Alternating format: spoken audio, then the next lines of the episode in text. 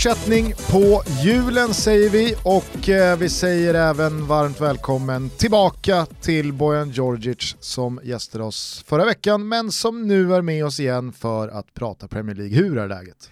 Det är bara bra tack. Eh, mellandagsrea, det är då man ska passa på att köpa mina julklappar. Exakt. Det är, det är ju smarta, man ger bara presentkort. Så, så Nej, vad opersonligt! Presentkort kan man fan väl inte ge till någon man bryr sig om? Eller? Det är alltså, bättre än cash. Min, min dotter... Jag tänkte kuvert med cash, är inte det bättre? Min dotter skulle nog säga, jag tar hellre presentkort eh, på klädaffären pappa än att du köper. Nej men jag tänker bara personligen, jag förstår presentkort, ingen fara. Ja. Men istället för de pengarna, 2000 på NK, ja. ta ut 2000, lägg dem i kuvert, de öppnar sig 400-500 där. Bara ja. känslan ja. att ta pengar ja, istället ja, för Här är jag helt med dig ja. Bojan, helt med dig. Och, Då har du gjort jobbet, du har gått till en bankomat. Det är ju, det är ju mer juggestilen alltså. Du har lyft madrassen. Jag, och jag är mer jugge alltså, än vad jag är svensk. Hörni, jag tror att vi inte lurade någon med att Bojan är här igen efter att ha gästat oss eh, i eh, torsdags, utan det här spelar vi in samma dag. Således, när vi nu ska summera Premier League-hösten, så kommer inte den 18 eh, omgången att ha någon plats i vårt surr eftersom den spelas i helgen. Vi fuskar lite, men vad fan det är jul, vi vill också vara lite lediga, Tompa ska sova ruset av sig borta i Rönninge Men ska inte vi spela in ett avsnitt på, på måndag? Jo det är klart att vi ska, ja. men i våran Premier League-summering eh, hittills ja, som ja, folk hör så. så. kommer vi inte kunna ta hänsyn till då till exempel Manchester City-Leicester utan den har vi avhandlat i måndags. Watford United. Exakt, eh, men det vi däremot eh, redan vet är ju att det har varit en otroligt händelserik Premier League-säsong. Ska man dock börja så ska man väl börja i toppen. Liverpool har tappat två poäng hela den här hösten. Otroligt vilken jävla resultatmässig säsong de gör suveräna. Och det är inte bara att de behöver spela bra för att ta med sig tre poängen utan att de kan verkligen gräva djupt och få med sig den lilla turen. Och den lilla turen får du när du är så jävla självklar i ditt ledarskap som Jürgen Klopp har varit. Han har verkligen byggt det här huset från grunden. Och det han sa i de intervjuerna han tog över, ge mig de här säsongerna så kommer ni få se resultat. Och det har han fått. Vilka fina spelare, nyförvärv. Hela tiden rätt folk på rätt plats, fylla de här hålen. Och nu ska man få in också en Minamino, hitta honom för reapriser och kan vara hur, hur, bli hur bra som helst med den här utvecklingen. Jag är så imponerad av det han har gjort och hur alla har verkligen Men nu har han ju också kommit till ett läge där han har byggt eh, huset. Det ja. är väldigt vackert och så kan han bara addera inredningsdetaljer mm. i det här och så blir det lite, det lite bättre Tompa. hela tiden. Som Minamino till ja, exempel. Det är planering. Han, han gör allting långsiktigt. Planerat. långsiktigt. Det är ingenting Även om han har gjort det på jävligt kort tid, det skulle jag säga. Ja. säga. Alltså, om man jämför med andra klubbar så kanske har fått bygga över en längre period. Liksom. Så han, har, har det varit långsiktigt men han har gjort det jävligt snabbt. Kolla poängskörden förra säsongen och så blir man tvåa. Ja. Förstår du vad det är för Premier League-säsong vi hade? Ja. Vad var det för två klubbar? Och nu är det Liverpool och bara tagit ännu större kliv mot den efter, efterlängtade titeln efter nästan 30 år. Ser du Minaminos ankomst vara starten på någons exit? Eh, inte av de här eh, från trean. Alltså Firmino, Salah, Mané eh, måste vara kvar. Det blir väl att den här breddspelaren och en spelare du kan använda som man har gjort med Shachiri. Jag tror inte han har fått den här utväxlingen som man har velat ta i början. Han har ju fått spela lite mer nu mot slutet, men det är just den typen av spelare han kanske tänker på att ersätta och tillsammans med Origi ha lite andra alternativ. Så att även om mittfältet inte är det mest kreativa så spelar de på det sättet så att de får ut maximalt utav Klopps fotboll. Ibland de klagar, man saknar kanske någon kreativ spelare. Men det har gått bra med uh, Fabinho, väldigt... Henderson, Wijnaldum. Ja, men det, det var ju det och det var ju väldigt mycket snack under ganska lång tid, även när det började gå bra för Liverpool. Om att, så, ja, vad, är, vad är det man ska göra nu inför sommaren? Vad, vad är det för spelare man ska, man, man ska ta in? Ja men van Dijk sitter så här. Jo men en kreativ mittfältare, någon som verkligen kan lägga passningar och sånt där. Man pratar inte lika mycket om det nu. Men Fabinho måste komma tillbaka ja. eh, också. Det, även om de har skött sig väldigt bra, eh, de har vunnit matcher, hans, hans frånvaro får inte vara för länge. Han saknas ju fortfarande när jag ser Liverpool på det centrala mittfältet. Han har verkligen tagit de här kliven. Han användes inte i början när han kom ju. Det var han som var den stora spelaren tillsammans med Kita. Men sakta men säkert matchade han in honom, anpassade sig och är ligans bästa defensiva mittfältare. Han är så där härligt ful som bara Fernandinho kan vara. Med de här taktiska frisparkarna. Och samtidigt har han faktiskt bättre blick för spelet än vad många tror. Han kan slå de här bollarna djupt på de här, den här fantastiska trean där framme. Men jävlar vad Henderson har börjat göra det. Ja. Otroligt eh, vilken precision han har fått i högerdojel. Alltså. Återigen, ja, alltså, det måste man ge något till tränarstaben. Liksom, att man ändå, trots att spelarna är klara så att säga, vuxna och liksom i seniorspel och alltihopa, så lyckas de skruva på dem. Vet vad jag älskar? Hendersons inlägg på ett, har ni märkt dem? Varje gång det kommer tillbaka på ett, han är så jävla bra på att hitta den här bortre delen på straffområdet med den precisionen. Och, mm. Han är inte Trent Alexander-Arnold, men nej, han är bra. Är, nej, men samtidigt har han också skruvat hans roll. Och även nu när de får spela defensiv mittfältare har varit bättre än han var där förra säsongen.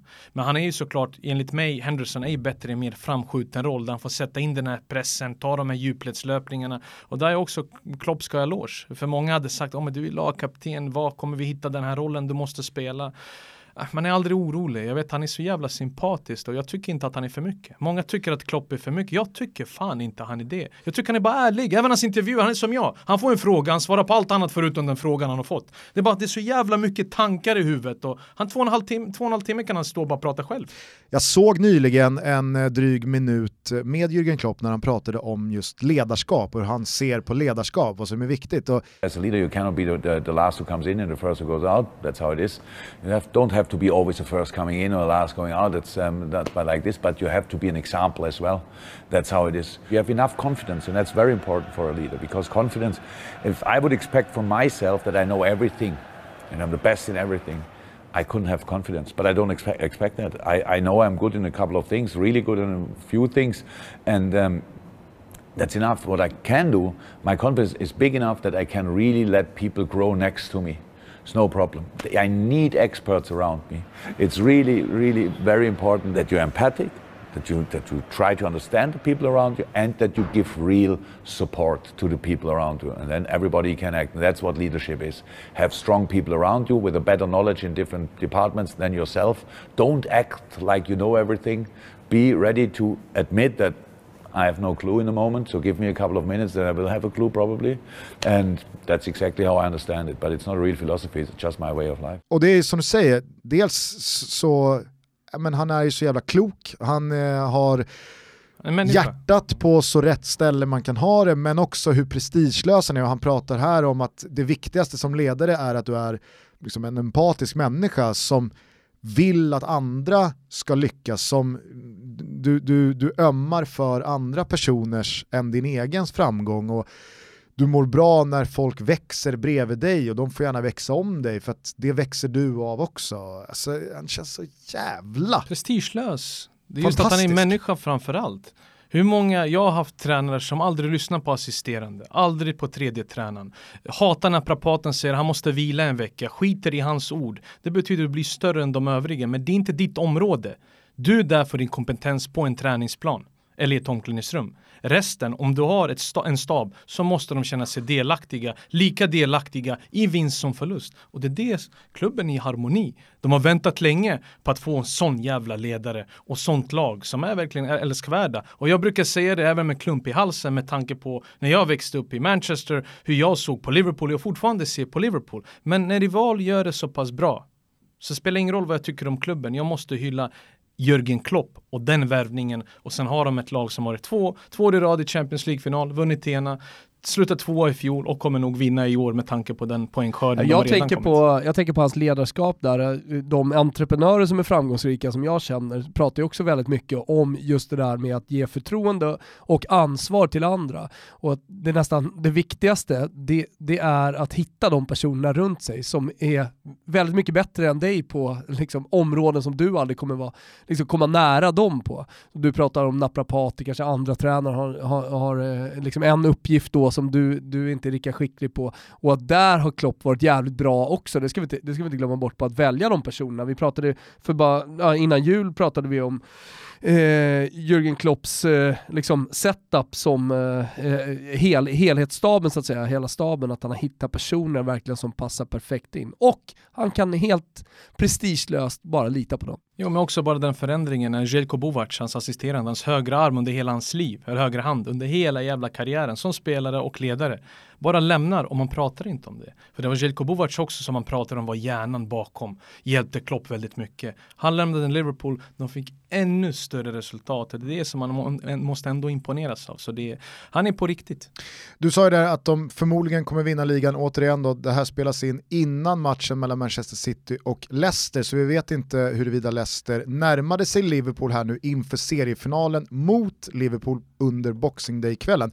För det vet vi att det kommer bli. City ligger fyra poäng bakom Leicester så de kan inte gå upp på andra plats. Men vi kan ju prata om eh, Liverpool oavsett hur det går i de matcherna och vad vi tror kommer hända. Poängtapp kommer de ha såklart. Ja. Jag tror inte de går, går rent som Arsenal gjorde, blir the invincibles. Men om du kollar på deras, deras statistik och hur många matcher de varit obesegrade i Premier League, det är anmärkningsvärt. För vi pratar om världens uh, tuffaste liga. Nej men det var det jag skulle komma poäng. till, finns det någonting som talar för att de kan slarva bort det här försprånget? Nej, inte just nu. För jag tycker, att de är Liverpool? ja, jag, jag, jag tror att ändå att uh, spelmässigt så kan de ju bara bli bättre. Och nu har de också på senaste veckorna också hållit den här nollan som man tjatar om, har hittat någonting kritiskt. Och jag tror att eh, de är så pass självsäkra i det de gör. Och det är väldigt mycket poäng de måste kasta bort. Förra säsongen var en helt annan sak, det var sju poäng i januari. Man möttes ändå och nu är det för långt gav för City. Och City just nu, när jag tänker tillbaka på den intervjun mellan Guardiola och Klopp och så kan vi inte byta titlar. Det är nästan som att han vet att det är en jävla grab där uppe. Vi ska göra vårt bästa med det Champions League och den åttondelen mot Real Madrid som han tänker på mer än att kanske stänga ner det här. För de är så pass bra ändå. Du såg det mot Arsenal. Nu senast City, för alla är kanske bra mot Arsenal men de har ju den här höjden. Men de måste få tillbaka Laporte illa kvickt ifall de ska ha någon möjlighet. Eh, vad gäller Liverpool så är det ju odiskutabelt en eh, högsta betygshöst man gör rent resultatmässigt. Men är jag fel ute när jag säger att eh, bäst betyg kanske ändå Leicester ska ha? Ja, för de har ju överraskat eh, positivt. Vi pratade om om de skulle kunna vara en överraskning. Men de som säger att de skulle ligga tvåa eh, efter 17 omgångar, då ljuger de. Det är samma människor som säger, men du sa att Leicester inte skulle vinna 2015. Jag sa bara kompis, om du visste att Leicester skulle vinna 2015, då hade du varit multi, multi, multimiljonär med tanke på den åtsättningen. Men Brendan Rodgers har väldigt, fått ihop en väldigt fin grupp. Och det som jag tycker är bra med Leicester också, att Vardy har anpassat sig också till en mer eh, annorlunda typ av fotboll. Det läste faktiskt för matcherna. De har bollinnehavet och han har lärt sig ta sina löpningar trots att ytan inte finns längre på samma sätt som man är van vid. Sen så går det väl heller inte att underskatta just i, i, i fallet Leicester och sådana typer av lag att det är en sak att göra det utan Europaspel parallellt och en sak nu om de skulle landa en fjärde plats hur väl kan de kampera i ligan nästa höst då när det också ska spelas Champions League? Alltså den detaljen måste ju bli till deras fördel att de kan fokusera på ligaspelet och det har man ju märkt också, inte minst eh, laguttagningen från Brennan Rodgers. Typ samma elva varje match. Ja nej, men exakt, eh, men samma elva varje match och det, det är ju liksom problemet skulle jag säga för Leicester om de skulle spela på två fronter, att man inte kan rotera och även om man inte får betala för det under hösten så kommer man förr eller senare få betala om man nu spelar på flera olika fronter. Um, I ligacupmatchen mellan Everton och Leicester så liksom var, till, var det samma elva mer eller mindre, det var nyckelspelarna som körde 120 minuter. Alltså, ja, Leicester... 90 plus straffar. Ja, 90 plus straffar, sorry. Uh, men alltså, han, han kommer i något läge få betala för det och då kommer Leicester tappa lite. Men uh, med tanke på hur långt det är ner till fjärdeplatsen så, så tror jag att de tack vare den här liksom, grymma hösten som de har gjort har säkrat en Champions League-plats till, till, nästa år. Men, men, eh, men återigen, liksom, så här, det, finns inte, det finns inte bredden, det är fantastiskt det de har gjort. Och jag tror också att det enda sättet, eller jag är säker på att det enda sättet för Brendan Rodgers att, eh, liksom, ja, att skrälla och att nå dit han har nått. Att spela de bästa spelarna hela tiden och att pressa dem så långt han bara kan. City, Liverpool, eh, Real Madrid, Juventus, andra, ja, men de kan hålla på att rotera för de ska vara bäst i april och i maj eller vad det nu är. Eh, men, men det gäller inte Leicester, där, där är det liksom helt andra förutsättningar. Sen är det väl också så, vi pratade om det förra veckan med just hur otroligt mycket rätt de har gjort på transfer transfermarknaden. Köpt billigt, sålt dyrt, men just det där också att ja, men ibland så heter det att ja, men det här framgångsrika laget, vad händer när den och den och den spelaren lämnar som de kommer göra? Kolla på spelarna Leicester har tappat senaste åren. Det är Kanté och det är Mares och det är Maguire. Alltså, de har Drinkwater. Ja, men, nej, men de har ju hela tiden återuppfunnit sig själva. Och jag ser det inte alls som orimligt att i sommar så kanske man blir av med Madison, Chilwell och Ndidi. Men jag är heller inte liksom eh, osäker på huruvida de kommer hitta ersättare till de här spelarna. För de har ju bevisat flera gånger om att de jag, gör. Jag tror de vet också sin plats i, i näringskedjan. Jag tror att de är tillräckligt smarta att veta. Ja, det är att väldigt veta. viktigt. För det har de gjort. Men det är just att man har långsiktigt, man vet att okej, vi riskerar att tappa de här tre spelarna. Hur ersätter vi dem i tid så att den övergången blir mindre smärtsam? Och det har de gjort fantastiskt bra. Vilka Och har jag tror de redan har koll på det också. Ja, 100%. Alltså, de, är- de, För de här stora klubbarna, stora drakarna med de pengarna, det går inte att säga nej.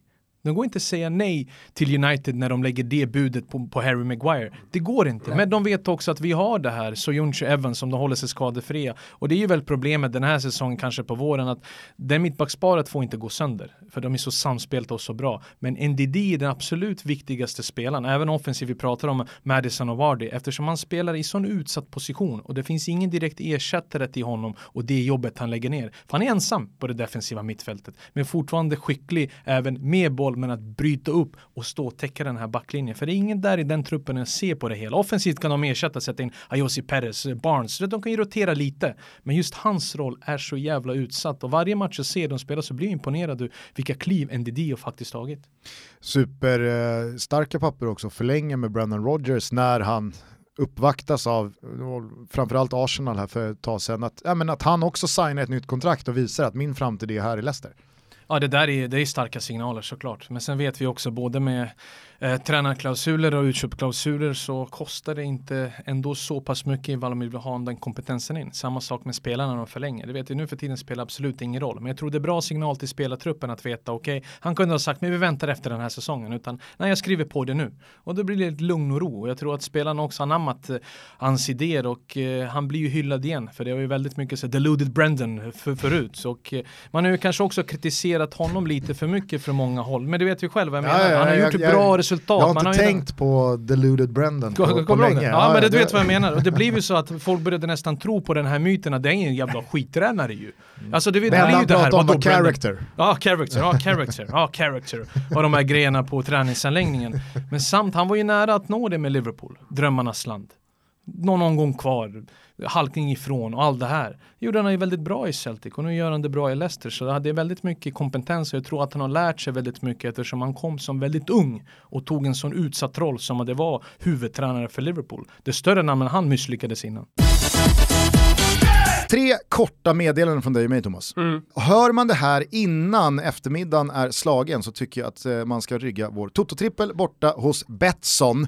Under godbitar och boostade odds finns vår trippel där, rak seger Livorno under 2,5 i eh, Everton Burnley och över 2,5 i. Stoke mot Sheffield Wednesday. Dessutom så tycker jag att eh, för alla er som våndas över vad man ska ha, ha i glasen på nyårsmiddagen, Mm. Pepsi. Ja. ja, men det är faktiskt ett bra tips. Jag har ju sagt det några gånger, men eh, Pepsin är ju det bästa alkoholfria alternativet. Håll inte på med alkoholfritt vin, alkoholfri öl och, och sånt piss, utan eh, det, det, det är Pepsi som gäller. Hallon, Pepsi Hallon, Ja. är väl eh, är men- väldigt mycket nyår. Ja, ja, verkligen. Ny smak eh, från Pepsi. Fan, skoja till det lite. Festa på lite. Kör Pepsi Hallon. Och vårt sista mellandagstips till alla våra lyssnare är att eh, teckna ett abonnemang hos Simor. För Mm. inte bara får man ju sport och fotboll i världsklass, där finns ju också en rad serier, filmer, Mm. dokumentärer och eh, dunderprogram att följa. Det är väldigt enkelt. Ni Typ kommer inte bli besvikna. Sitta och nöta en hel bytte-bytt-säsong. Ja, Jävla, dumt. alltså, jävla bra René Nyberg är. Ja. Eh, Ja, är är det min idol? Ja, hon, hon är tillsammans med Ola Wenström bäst. Eh, stort tack till Simor för att ni är med och möjliggör Toto Balutto. Stort tack. Nu fortsätter vi prata med Bojan. Lagmässigt då, vilka lag vill du nämna i den positiva skaran jämte Liverpool och eh, Leicester efter knappt halva ligan spelad? Wolves. På grund av att de har slagits på två fronter. Inledde säsongen väldigt svagt. Många var inne på det. Jo, men det är Europa League-spelet och kvalen och gruppspelet som kommer förstöra för dem.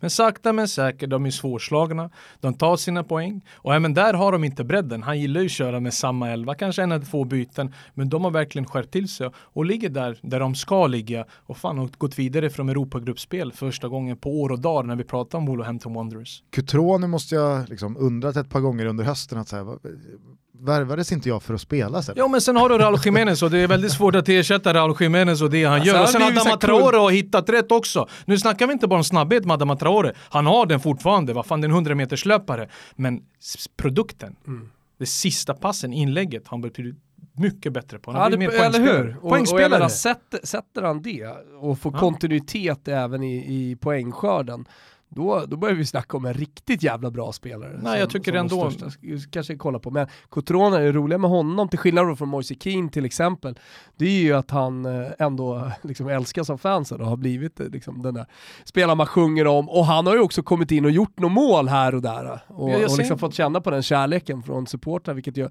ja, men, gör ju att han blir kvar. Alltså, och, och är den, jag ska inte säga perfekt, men, så här, ja, men kanske ändå perfekta ersättaren till Raúl Jiménez. Mm. Det är, men det, vi pratar ju om Wolverhampton, inte för att de har övertygat likt med det förra säsongen. Jag tänker bara med den tunna truppen, att vara på två fronter, starta dåligt och folk kommer började kritisera och ändå har man tagit sig samman och det är också Nuno Espirito Santos ska ha cred för det. För de är verkligen också, känns det äkta, att supporterna faktiskt inte ser det här längre som ett köpelag inom Championship, utan att den här ledarstaben varje gång de är mål, att det blir en jävla gruppkram. Jag gillar ju de där signalerna. Det betyder också de supportrarna som älskar Wolverhampton, den äldre generationen kan känna igen sig och säga fan det här är en klubb, det är ett lag som jag kan faktiskt lära mig att älska.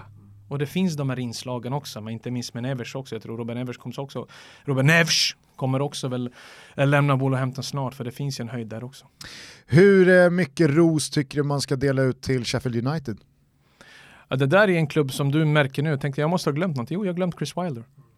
Det där är nummer ett skit i Wolverhampton, vi pratade om Leicester, därför jag hamnade på, nej men alltså, ja. det är därför jag hamnade på Wolverhampton, just med två fronter, ändå imponerande att bibehålla den höga placeringen i ligan. Men Sheffield United, med den budgeten, hur de har tagit sig an Championship först och främst, när de var så utsatta. På tal om budgeten så tror jag att det, det var någon som sa att uh, det Manchester United betalar för Sanchez varje månad, x det som liksom Inter betalar i lön, är mer än vad eh, hela Sheffield Uniteds spelarbudget är. Nej, de är. Det, det är den mest positiva överraskningen. Om vi, om vi ska vara så. Eftersom det inte bara den här Championship-fotbollen folk tror som tog upp Sheffield United. Det var inte så. Det var också ett, ett mer spelande lag.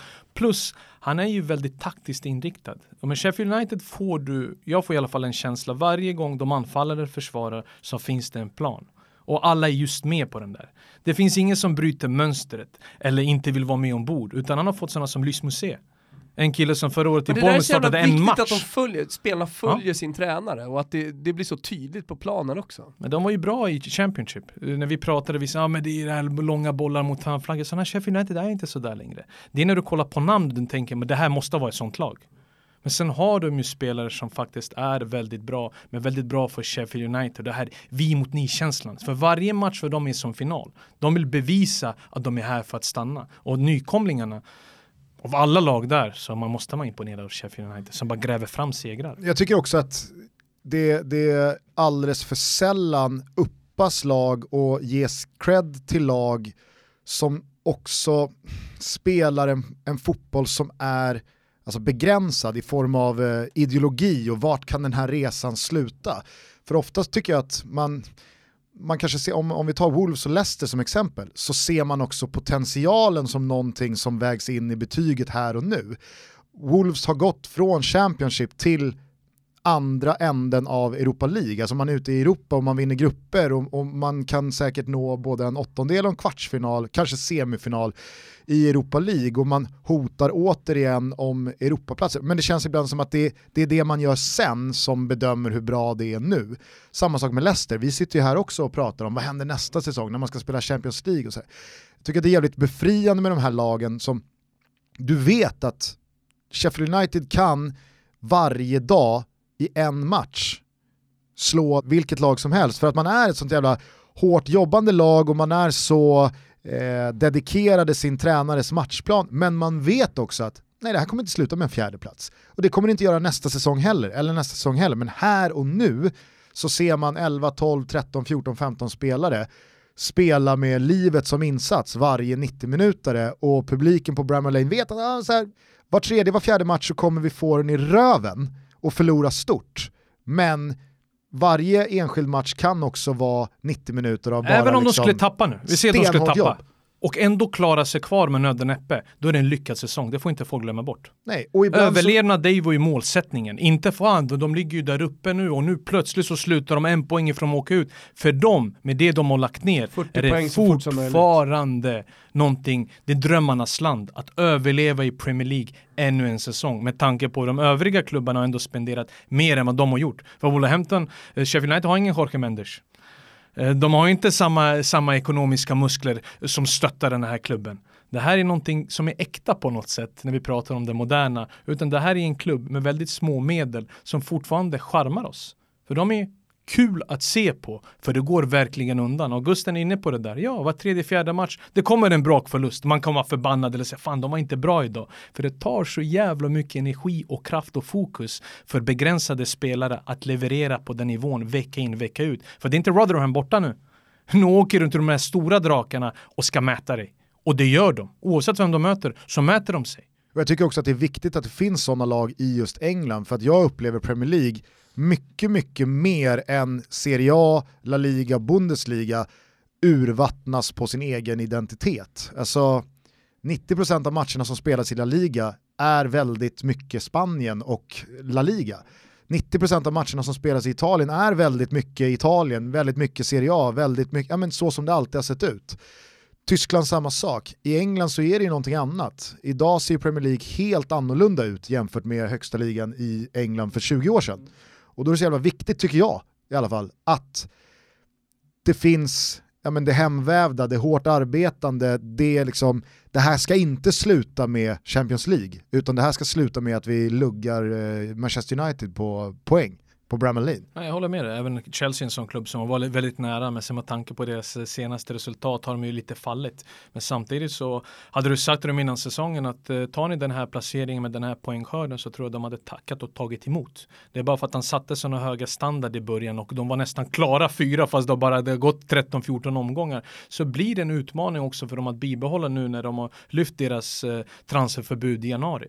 Men folk tror att det är, det är, en, det är för mig är det en välsignelse. För jag tror inte Frank Lampard eller Jody Morris kommer ta bort de yngre krafterna som har tagit dem dit. Det gäller att ersätta de här höga lönetagarna som man inte kommer att använda. Eh, du har en eh, Pedro, du har en Barkley, du har en Alonso beroende på hur han ser på viljan också. Så det finns ju möjligheter för dem att plocka in rätt spelare för mindre pengar. Jag hade gått till sån klubb och kollat på Ajax nu kan man ju registrera spelare igen när de åkt ut och få dem med till en åttondels, åttondelsfinal till exempel. Men alltså han spelar för mig, jag tänker Alonso behöver ersätta, de behöver en vänsterback, Emerson är inte där. Ja, Tagliafico! Alonso ska väl till Inter Ja men Tagliafico! Mm. Så perfekt, kommer inte kosta mycket och Ajax är ju faktiskt en sån här mm. plockklubb nu med tanke på att man verkligen trodde att de skulle ta sig vidare från den här gruppen.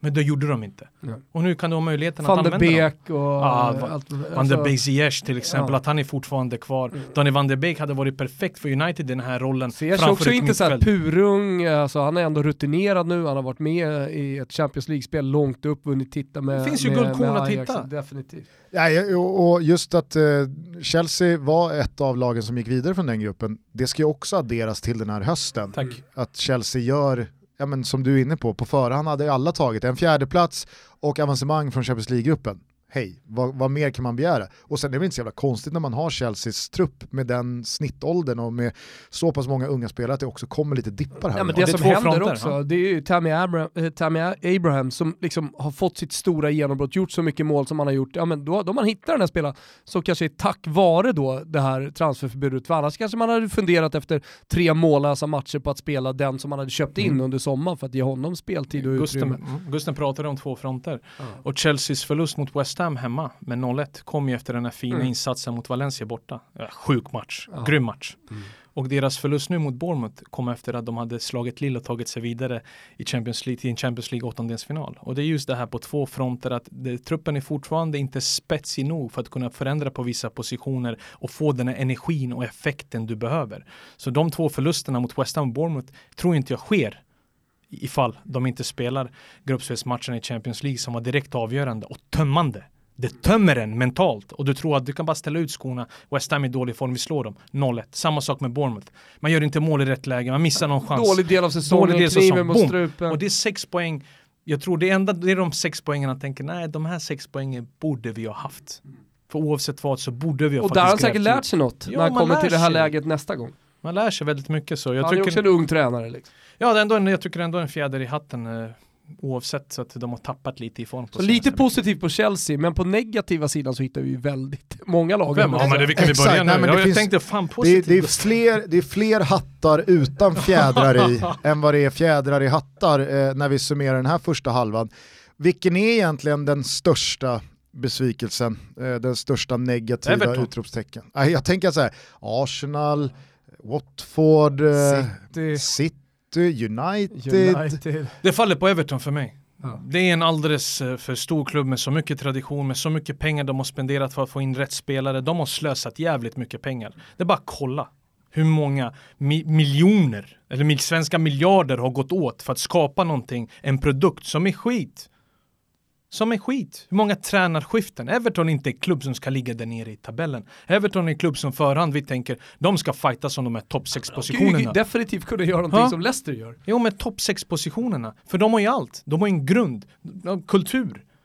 Och det är ändå inte dåliga spelare och en dålig trupp som ska vara där nere och tänka fan de är ju närmare för att åka ut än att sen ta sig upp där de ska vara någonstans. För mig är det Everton. Finns det några spelare som du direkt tänker på sådär som du verkligen... Eh, Får jag bara innan du svarar på den frågan säga att det, det som fascinerar mig mest med Everton det är ju en position som eh, är den man kanske borde titta på först när det gäller att så här, hamna rätt i en ombyggnation av en, av en, eh, en, en trupp eller en ombyggnation eller en nystart i en klubbs satsning mot att nej, men nu ska vi ta nästa steg.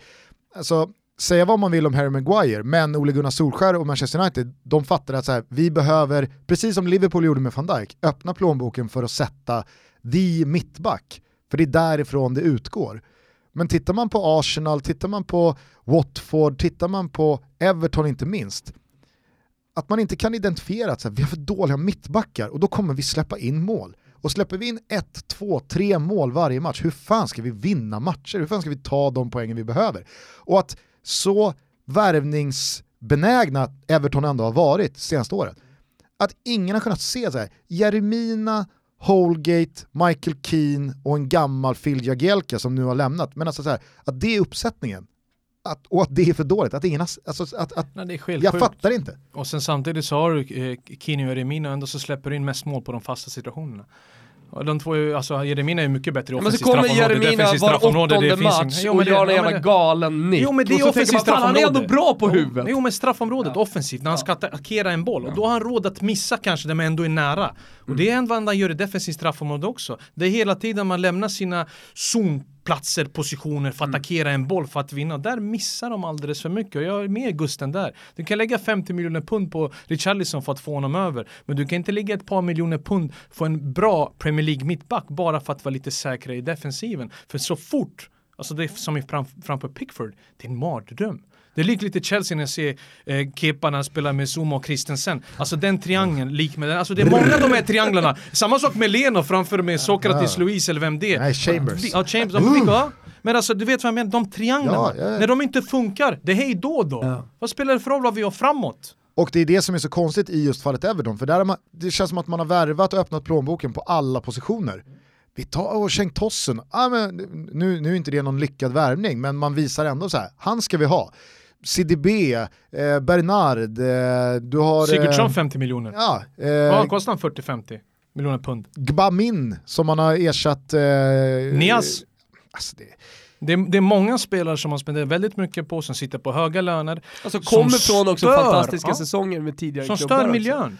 Ja. Som inte anpassat ja. sig. Evertons supportrarna är fortfarande väldigt gammaldagsa. De, inte bara de vill se lirare, de vill se ett homogent lag som verkligen ställer upp för varandra. Att man på Goodison Park, som man gjorde faktiskt mot Chelsea när Duncan Fergusons första match, att man vinner någon duell i början, åtminstone visa att man vill. Och sen löser man det andra offensivt. Utan att man tänker först skydda mitt hem och därifrån kan vi utveckla det hela.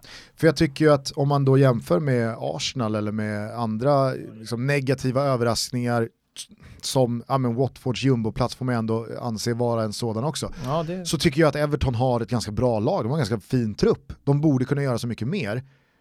Men ska du släppa in 2,8 mål varje match, tro fan att du inte plockar dina poäng liksom.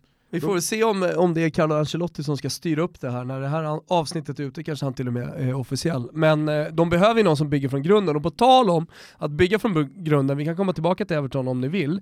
Men när Fredrik Ljungberg kom in i Arsenal, eh, ytterligare en klubb och ett lag som har problem med eh, sin defensiv och började prata om att han behövde mer energi offensivt, han behövde mer fart och fläkt. Det var det, en, det enda han har pratat om Nej, han kom han in. har pratat om hur dåligt självförtroende alla har. Det har han också pratat om, också pratat om. exakt. Nej men är du med på vad jag menar? Alltså du säger att du, du, du, du ska bygga bakifrån här nu Bojan. Hur kan du, efter att ha varit andre tränare i Arsenal så länge som han har varit, jag vill Fredrik Ljungbergs eh, liksom, bästa, absolut. Men hur kan du då börja prata om offensiven och bara liksom vara, vara där liksom? Jag, jag har så jävla svårt folk- för den typen av eh, fotbollsfilosofier, för den känns, så, den känns så grund.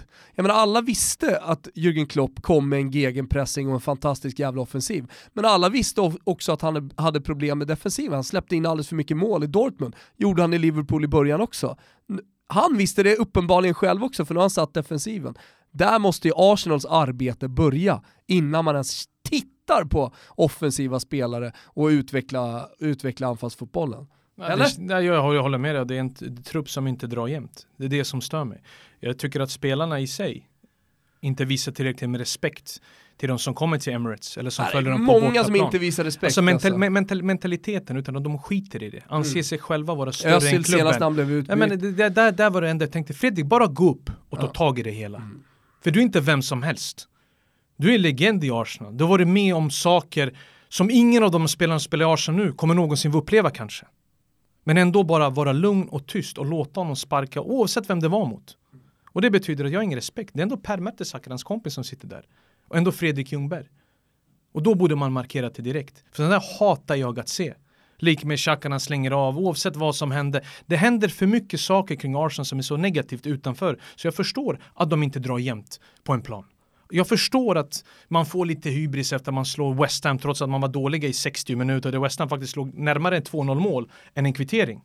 Men det är så mycket som är fel från högt upp ner till omklädningsrummet och träningsplan. Och det var för djupt vatten för Fredrik att kliva in i det här ögonblicket. Kanske naivt att tro. Alla hade hoppat på det.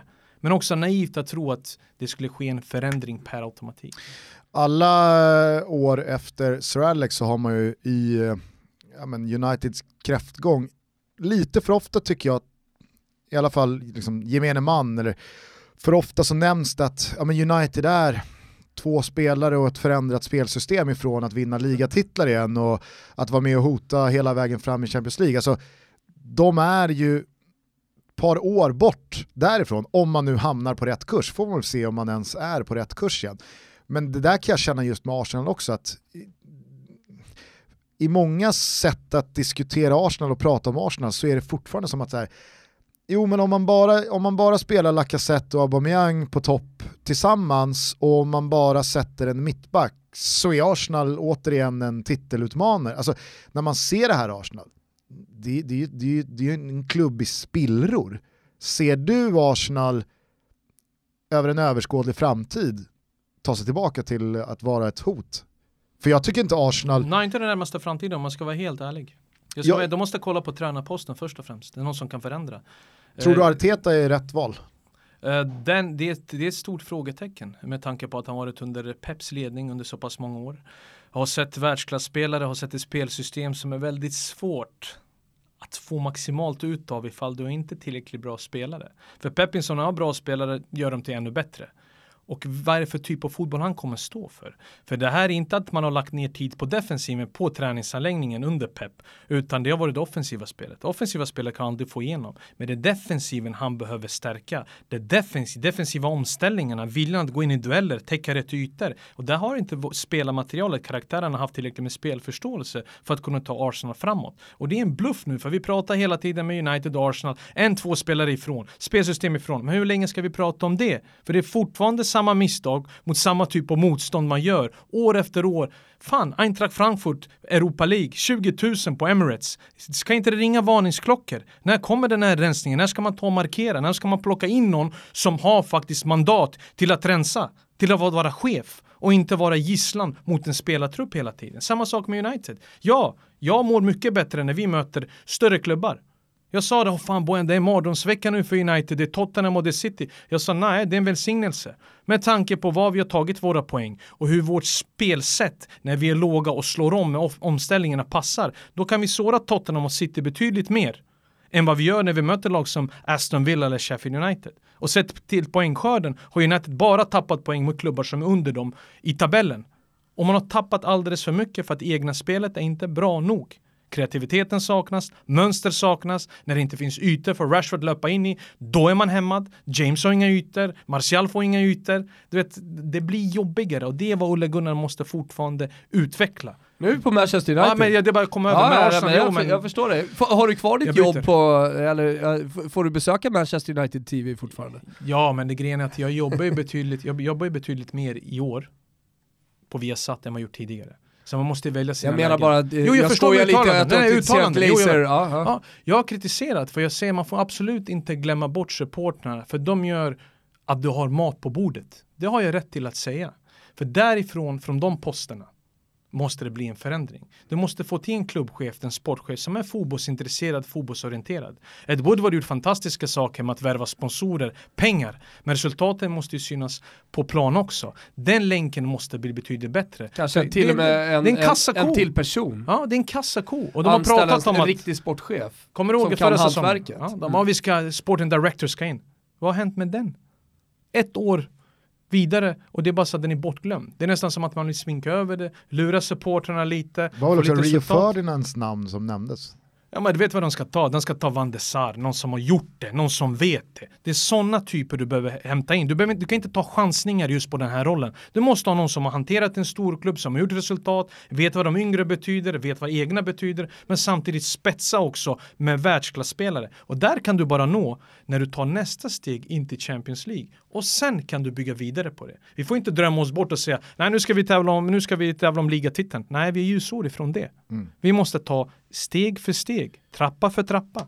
Jag måste bara fråga dig där, eh, eftersom jag inte riktigt har släppt eh, Arsenal-pucken. Nej men inte heller, jag vill bara, det är bara att jag blir ja, så nej, jävla... men Får jag bara, eh, vad tycker du, alltså, sett till läget Arsenal också är, för att jag vet ju ingenting om Mikael Arteta som tränare. Nej men exakt.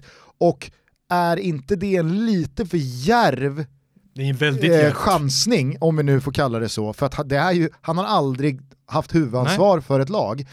Är det inte, sett till hur Arsenal mår och sett till hur de ligger till, är det inte lite väl järvt att ge Arteta jobbet nu? Sen beror det också på vilka eh, tränare man har haft kontakt med, vilka större namn har sagt nej, det här är inte läge för mig att eh, göra Arsenal till en bättre klubb eller få dem på rätt bana. Det här är väldigt djärvt, det är en jävla chansning. Undrar om man tänker lite på Jürgen Klopp, att han kom in under en säsong och att eh, det finns en acceptans från supporterna kanske då att det blir en liten... Klopp kom från Dortmund, vi var ju vana. Du vet, han kom gegenpressen, du vet, ge honom tid. Han har visat att han kan mäta sig med de stora drakarna. Klopp. Det är ja. Jürgen Klopp, han har mätt sig med Bayern München, han har vunnit, tagit dem till Champions mm. League-finaler med mindre budget där de tagit hans bästa spelare. Då han har haft ett ansvar. Arteta har varit med Guardiola. Mm. Och såklart att Guardiola har inflytande på honom och sättet han vill spela. Arsenal är inte offensivt. Arsenal är verkligen skydda sitt hem och sitt straffområde. För de släpper till chanser mot vem som helst. På världens enklaste saker. Alltså det är så här A och O i fotboll, man lär sig när man är pojke. Det gör de inte ordentligt. Och det är just den här bilden jag har av en spelartrupp och spelare som är inte enade. Att det är alldeles för mycket grupperingar, det är gamnackar, det är så mycket negativt runt omkring att de glömmer bort faktiskt att de spelar för Arsenal Football Club. Och det är det som har verkligen stört mig. Jag vet man ska inte prata om rivalklubbar, folk blir ju... Men jag, tror ingen, jag tror ingen Arsenal, jag vet, men jag tror ingen Arsenal-supporter är nöjd med det de ser. Definitivt det är magsår. Magsår på magsår. Och det måste bli en ändring. Det är, det är bara att lyssna på Arsenal TV. Ja men de är ute i minut 70. Det jag älskade med Arsenal sist. TV, alltså. Faktiskt, de ska ha lite cred. Sista. 0-3, 92 minuter mot City. De som är kvar sjunger. Mm. De vill ha sin klubb tillbaka. De är där, inte för att de ska lämna parkeringen, ställa upp Arsenal TV och klaga. Utan de vill ge dem någonstans någon kärlek, att de inte ska glömma bort vad det här går ut på. För de är verkligen i en mörk tunnel och jag vet inte. Det enda ljuset jag ser det är något tåg som kommer emot dem. Det är inte det här ljuset där för att hitta något positivt. Fan, jag tyckte du, du, du satte fingret på en uh, detalj där som jag inte riktigt tänkte på. Alltså varför tog inte Ljungberg chansen att ställa sig upp och möta Nej. Özil när han kommer ut och bara skälla ut honom inför allihopa på läktaren. Ah, För då hade ju Ljungberg räddat sig själv och sitt eget anseende. Ja oavsett om han har varit kvar eller inte. Exakt, för nu kommer eh, liksom Arteta eller om det blir någon annan, vi vet ju inte det när vi spelar in det här. Men då hade ju folk kommit ihåg det när man pratade om de här 4, 5, 6 matcherna som Ljungberg gjorde som caretaker eller interim eller vad man nu vill benämna det som. Att så här, ja fast Freddy visade ändå att enough is enough och det här, alltså vi kan torska mot City, fine, men vi kan inte bete oss så här inför våra hemmasupportrar. Han är en del av liksom det gamla Arsenal, det vinnande Arsenal. Fan att han inte gjorde det, vad, fan, det, vad hade för, han förlorat första, på det? Först tänkte jag bara, fan är det min, min, mitt Balkanblod som kokar? Nej, utan jag tänkte på, tänk om jag själv var just i den sitsen, att jag får några matcher på mig. Jag har varit i den här klubben, jag vet hur det är att pissa blod för den här klubben. Jag vet hur det är att vinna titlar och jag vet vad som krävs för att få de här supportrarna ombord för att jag ska få deras respekt. Och sen kommer du som den mest betalde. En spelare faktiskt som han satsade på, gav honom möjligheten att spela från start att bli bättre. Han hade rätt att byta ut honom eftersom han var inte bra. Men att bete sig på det sättet, då hade jag själv klivit upp. Jag säger jag skiter i om det brister, de kommer ändå byta bort mig. Men du pissar inte på min klubb. För Arsenal är min klubb. Det är så jag tänkte, utan att man bara behåller en lugn ton och låter honom agera på det sättet. Nej, jag hade älskat att se just den här reaktionen. För jag tror att så många som hade haft hans rygg och supporten hade sagt det här är vad någonstans vi har saknat för att folk berättar till de här divorna. Hej, det här är Arsenal. Det är inte Bournemouth, du kan inte bete dig som du vill. Ja, där missade han en straffspark, Ljungberg. Uh, onekligen. Han kanske också har dåligt självförtroende. Ja. Om man, om man bara kollar på spelare, finns det några som uh, verkligen uh, så sticker ut tycker du åt ett eller annat håll under den här hösten? Efter den där Arsenal-matchen för City så var det många så här van Dijk, Mané, vem har egentligen varit bäst? Nej, det är De Bruyne. Fan vilken match han gör. Men herregud, höger fot, vänster fot. Mm. Transporterar boll, fördelar passningar, slår inlägg. Finns det någonting han inte gör? Han är grym, han är bäst. Om jag skulle välja en mittfältare just nu att ta i mitt lag, mm. jag hade tagit Kevin De Bruyne. Han är helt jävla otrolig. Säg till mig någon, vi kan gå igenom alla de här storklubbarna ja, Du kan ta internationellt, du kan ta, ja precis. När han är som är bäst. När han är som bäst. Han är omöjlig. Och det har han varit nu då. Han är omöjlig mm. och det är de här skadorna förra året som satte också stopp mm. för de saknade mm. honom, ändå lyckades vinna. Okej nu är han tillbaka så grejen är att jag njuter av att se honom spela. Nu har en del andra spelare. Kanske ja, det, det, har det, det är inte De Bruyns fel att de ligger där de ligger i tabellen. Nej, han är drivet vad jag gillar med honom. Eh, han är så pass målmedveten. Och du ser, även om han inte pratar för mycket, ibland ser du när han är aggressiv eller arg. Men han är en pådrivare på plan. Genom sitt sätt att spela visar han tydlig ledarskap. Och sådana där spelare är det ont om och få om. För du vet alltid, du pekar ju på honom. Det är han som gör skillnaden. Och ändå ser han fram och gör det. Men om vi väljer någon annan, jag måste välja Mané. Mané har varit höstens bästa spelare tycker du? Ja, jag älskar Mané. Jag sa i studion, jag vill adoptera honom.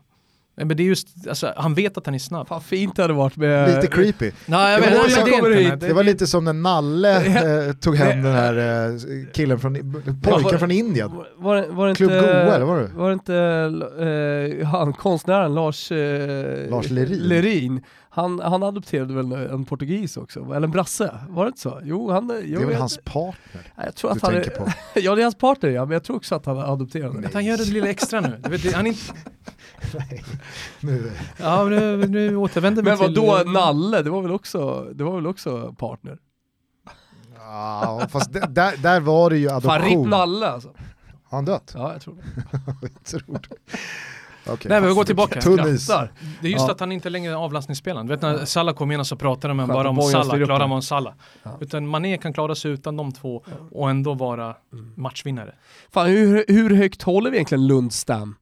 Lundström? ja, John Fleck då? Jag trodde du skulle gå in på John Fleck. Ja det får det du göra också. Fleck, Lundstam, vem du vill. Va? Åh, oh, fan. Chris Basham där bak. Nej men ska spela, alltså det, det, finns ju många spelare att verkligen tycka om, men jag tycker att Mané gör saker som några här nu ut. med Madison som jag tycker också har tagit ytterligare ett kliv och dessutom i år med stora förväntningar på sig såklart, eh, ännu mer förväntningar på sig att bära det här laget offensivt och det har han verkligen gjort också. Ja det finns ju många, alltså det, det är väldigt mycket negativt kring just de här storklubbarna mm. som vi förväntar oss så mycket mer Ja då av. blir det ju även, spelar ju över på spelare också men som viker ner sig. Ja, Eller som inte lyckas på grund av att det inte Gustav var inne Liverpool och bara tappat två poäng den här säsongen och vem är det som bär den offensiven? kan prata om defensiven, Van Dijk styr upp det, men Mané har visat att även när Salah och Firmino vilas eller inte spelar så gör han fortfarande sina poäng.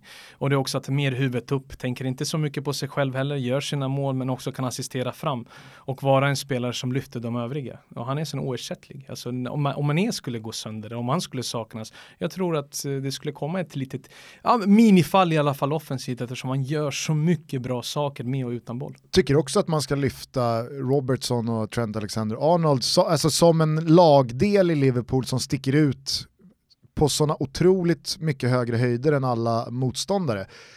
Alltså, vem har sånt vapen? Vad behöver du kreativa Nej, mittfältare det jag menar, och, Man har ju sett några gånger när Trent har varit eh, bänkad eller vilad och så spelar man med Joe Gomez istället. Det var inte alls samma sak. Och Robertson, han har ju varit otroligt förskonad mot skador. Så att... Du ser här, där, där nämner du också ett problem. Moderna ytterbackar, poängspelare. Då kan du slippa lite den här kreativiteten på mitten. City däremot spenderat så mycket pengar och ändå fortfarande problem att hitta rätt med ytterbackarna eftersom de blir så pass viktiga när de centrerar så.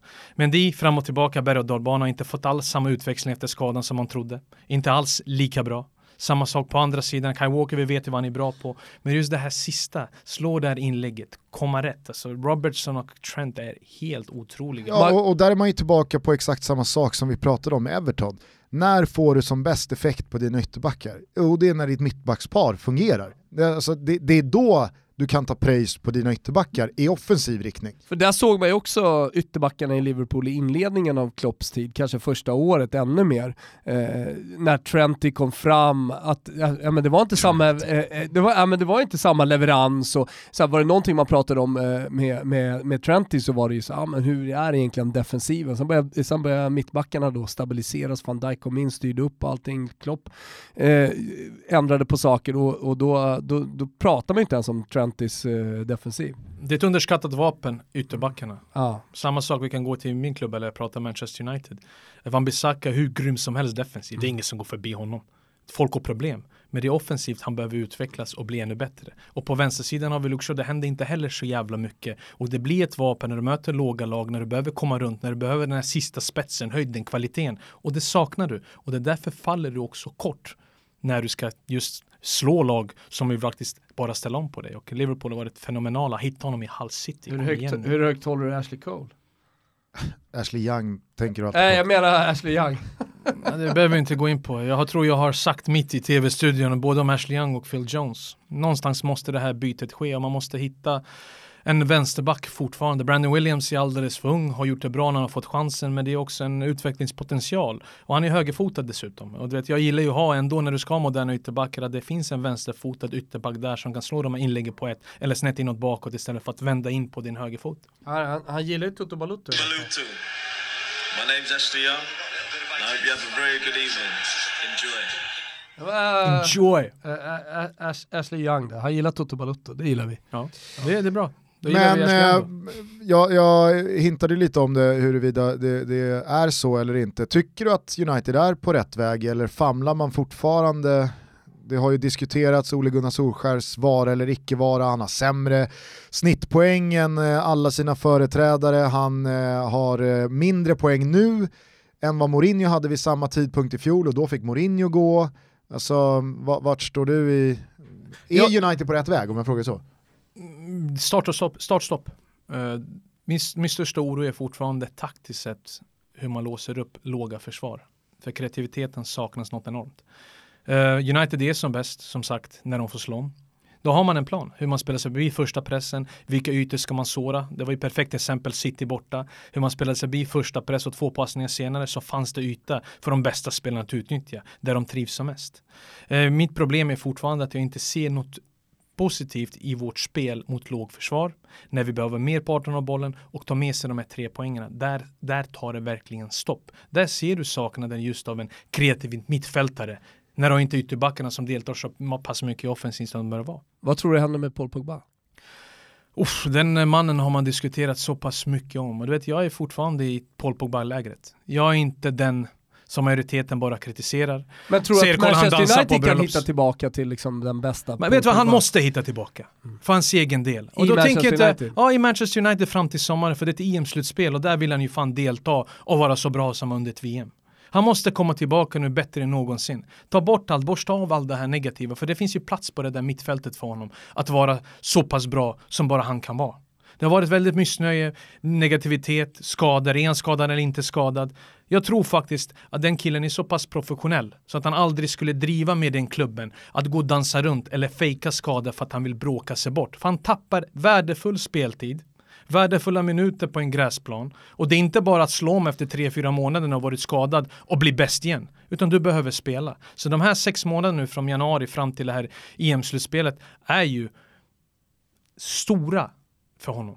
Jag tror också att det är viktigt för Manchester United som klubb att inte göra sig av med Paul Pogba, för det symbolvärdet det också sänder, att bli av med Paul Pogba när man också vet att man inte kan hämta in någon från den hyllan, från den positionen ansedd vara i världen. För det kan inte United längre. Det var ju förvånande att United i den positionen kunde plocka Pogba från Juventus när de gjorde det.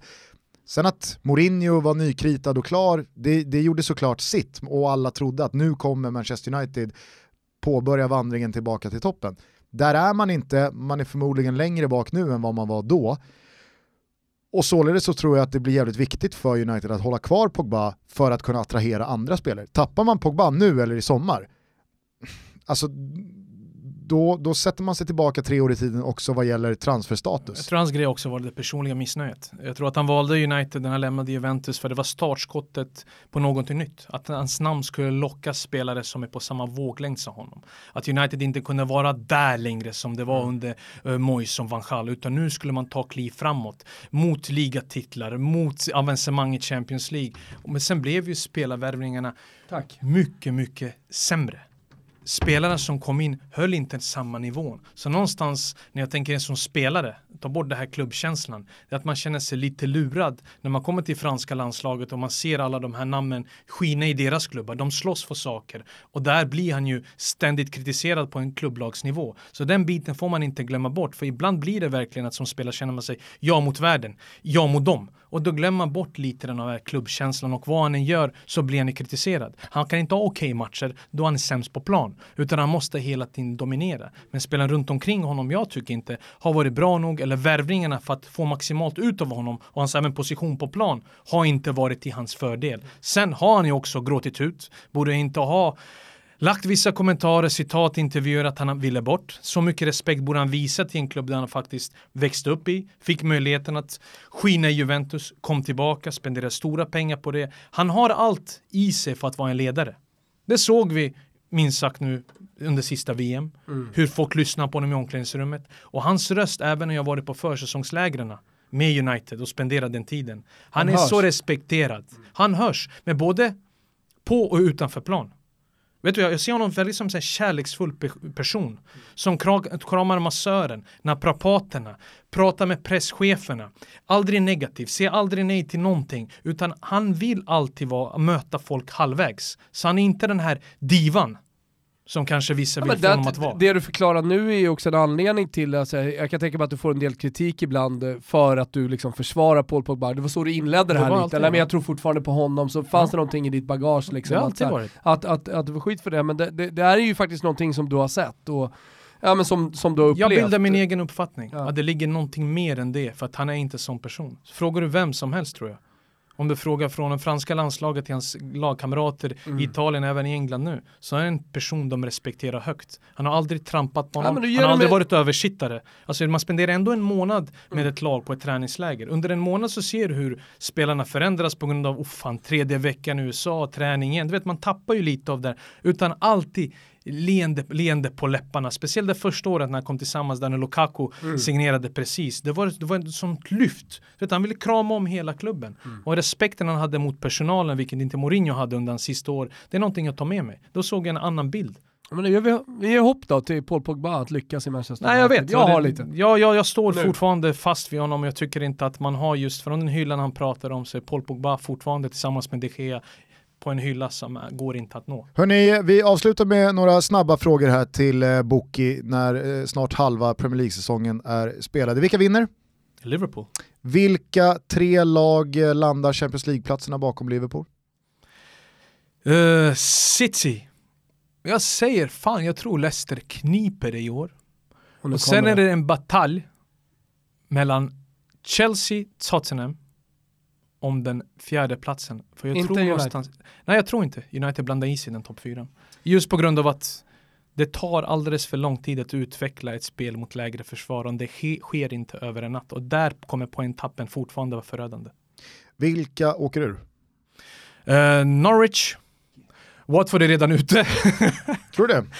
Nej, jag tror inte de kommer få ett Nigel kliv. Pearson kan väl skrämma liv i, i det där gänget? Ja, eller så, skräm, tillbaka ja, med eller så skrämmer sådana som Delofio och Pereira som har en stor röst i omklädningsrummet och sett bättre, större klubbar, sätter käppar i hjulet för sånt ledarskap. Eh, Det finns ju också möjlighet. De gjorde Mm. bra under deras första match mot Liverpool. Det ska de ha cred för, men jag tror det är alldeles för mycket poäng gick ju förlorade för att sådana som de två jag nämnde och Ducré ska få ett lyft och tillsammans med Dini rädda det här laget kvar. Tredjeplatsen eh, lä- lämnar jag öppen. Eh, jag lämnar alltid öppen för sådana lag som Burnley och Bournemouth, även om jag älskar Eddie Howe. Men med Bournemouth så hittar de alltid perioder där de går segerlösa i 8-9 matcher och så tänker man nu kommer de blanda sig i och sen slår de ju Chelsea borta och sen kommer den här trean överleva dem. Jag tror Burnley Newcastle kommer... och Steve Bruce var ju Nej. väldigt eh, dödsdömda inför. Newcastle har aldrig där nere för jag älskar Newcastle. Inte Mike Ashley vad de håller på med, men Newcastle United, Premier League är inte detsamma utan en klubb som Newcastle United. Därför går jag ifrån den här kostymrollen utan tänker mer utanför mitt egoperspektiv att de ska fan bara klara sig oavsett vem som är tränare. Men förhoppningsvis så väntar jag på ny ägare, att Newcastle ska ta kliven, storleken på klubben ska vara där uppe och slåss om viktigare platser, positionering än att prata om nedflyttningsstreck. Burnley tror jag kommer ha ännu mer problem. Eh, Man pratar inte så mycket om det. Sean Dyche har gjort det bra på senare år. Jag tror att Burnley kan fan, alltså de kan fan ryka. Vem vinner skytteligan? Kane har vi inte nämnt, Nej. Eh, vi har inte pratat så mycket om Tottenham-spelare, men, men eh, han har ju haft en lite sämre höst och tror att han kommer komma igång igen. Han kommer alltid igång. Ja. Det är det är Harry en, Kane. Det är Harry Kane, det är en matchavgörande pjässpelare. Men han, kommer vinner inte skytteligan va? Eh, Han kommer, vara, han kommer vara där uppe, det tror jag. Eh, Beroende på när Agüero, Agüero är alltid mitt säkra val. Varje säsong så säger jag Agüero, jag håller alltid med fast vid Agüero. Även om man går skadad, skaknas i en månad så kommer det. Poff, tre mål, poff, fyra. jag, jag tror VAR det vinner alltså. Tror du? Ja, jag tror att Ja, eh, han hänger i hela vägen. Eh, sista frågan, nej näst sista frågan får det bli. Eh, finns det någon spelare du tror eh, alla kommer ha fått upp ögonen för eh, i slutet av säsongen som du redan har fått upp ögonen för? NDD. Jag tror inte man pratar för lite om sån NDD. Han Nej, skulle kunna göra större klubbar bättre. Defensiva rollen är en underskattad roll. Det är inte många kan hantera av med spelförståelsen utan den. Täcka rätt ytor och sådana spelare är sällsynta och som spelare kan du få för en bra prislapp ifall du vill by- bygga vidare mot Champions League. Sista frågan då, tror du att åren i Manchester United och eh, hans exit därifrån på riktigt förändrade någonting hos José Mourinho eller Nej. tror du det bara är en tidsfråga innan Mourinho är good old José igen? Han började så United också, bli inte lurad av det. Det var det positiva leendet på läpparna, alla mådde bra, man skulle kramas när fotograferna var där och jag vet, man skulle få över folk på sin sida. Såklart att de har stor respekt för honom, han har ju uträttat stordåd, men det kom ju en förändring eftersom när han lämnade Chelsea för sista gången, då kom ju också förändringen i att sätt att vara mot klubben, mot folk runt omkring. Det är inte mot spelarna främst, utan hur han får folk som jobbar för klubbar känna sig runt omkring och det skapar också en negativ trend. Just nu får man hoppas på det kortsiktiga, att han har tagit tag i Tottenham, för det finns ju fortfarande saker i den truppen att få ut mer av än vad man har lyckats med att göra och nu är de på rätt väg resultatmässigt. Ja, känner du dig eh, nöjd Ja, och glad härligt. Tompa? Det är ju mellandagar, vi kastar bort julen, vi blickar mot eh, nyårsafton. Vad ska jag göra på nyårsafton? Nyårsafton är... Dricka fruktdestillat Eh, innan i, maten. I sängen ska jag vara halv ett har jag sagt eftersom jag jobbar den första januari. Vi har en stor sändning, en lång sändning. Vilket fruktdestillat eh, tycker du bäst om? Vilken Eh, frukt? plommon. Plommon? Okej, jag gillar päron. Nej, plommon brännvin. Ja, päron är bra. Päron är bra. Ja. Eh, och sen så är det väl så att vi går ut från den här studion nu, eh, imaginärt i alla fall, går hem, sätter oss i tv-soffan och kollar på Bojan. Det är Boxing Day. Bara en sån sak. Precis. Bojan i kvadrat för alla Toto-lyssnare. Fan vad härligt. Jag är ensam. Hörru, Vad- eh, är det någonting, ska du skicka, jag tänker på det när du sätter dig där i studion, kan, kan du ta med dig någon liten liksom så här hälsning till Toto Balotto? Det behöver inte vara så här, hej jag vill hälsa till Toto Balotto, du förstår vad jag menar med? Det Vi har, vi ett kodord till Sekten är stark. Toto-sekten men, är har du ett stark. kodord? Cirkus kanske? alltså så att nej. vi nämner ett lag liksom som cirkus. Nej, jag ska- jag ska liksom. börja- om jag sitter- cirkus. vad sa du Bojan? Om jag sitter med... Cirkus, cirkus, cirkus, cirkus. Ja, det här är cirkus. Ja. Försvarsspel är cirkus. Ja, men jag tycker att det är ett bra kodord, eller har du något annat? Nej, jag kör, jag ska, om jag sitter med Erik Niva så ska jag köra den här sången som man fick senast. Niva, Niva. Då vet Ja, ni att det är en hyllning det är en till fin blinkning. publiken. Ja. Ja. Ja. Fin Ja, blinkning. Ja, det är en fin blinkning. Cirkus eller Niva, ja men det är bra. Niva, Niva. När han ska börja prata där, skulle, då vet ju folk. Det är Han har ändå berättat om det, han har ändå berättat om det. Jag var tvungen att fråga honom. Ja, ja, det är härligt. Tvungen att fråga honom. Han kommer eh, på nyårsdagen hörni, det är bara några Kul. dagar bort också. Då Precis. ska vi fortsätta att summera 2019 som vi har gjort nu med Bojan. Fantastisk sittning! och Nej, det, är alltid, det är alltid kul att komma tillbaka. Ja, stort tack för att du kom och gästade oss, alltid lika roligt att se dig. Ha en eh, fantastisk, intensiv och härlig eh, arbetsperiod här nu över mellandagarna och eh, nyår. Eh, så får du ha ett gott nytt år också. Cheers mate. Cheers! Ciao tutti!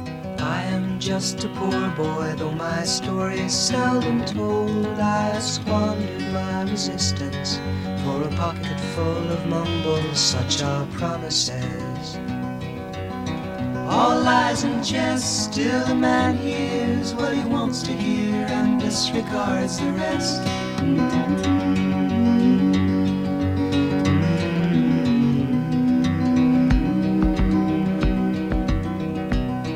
When I left my home and my family, I was no more than a boy in the company of strangers, in the quiet of the railway station, running scared.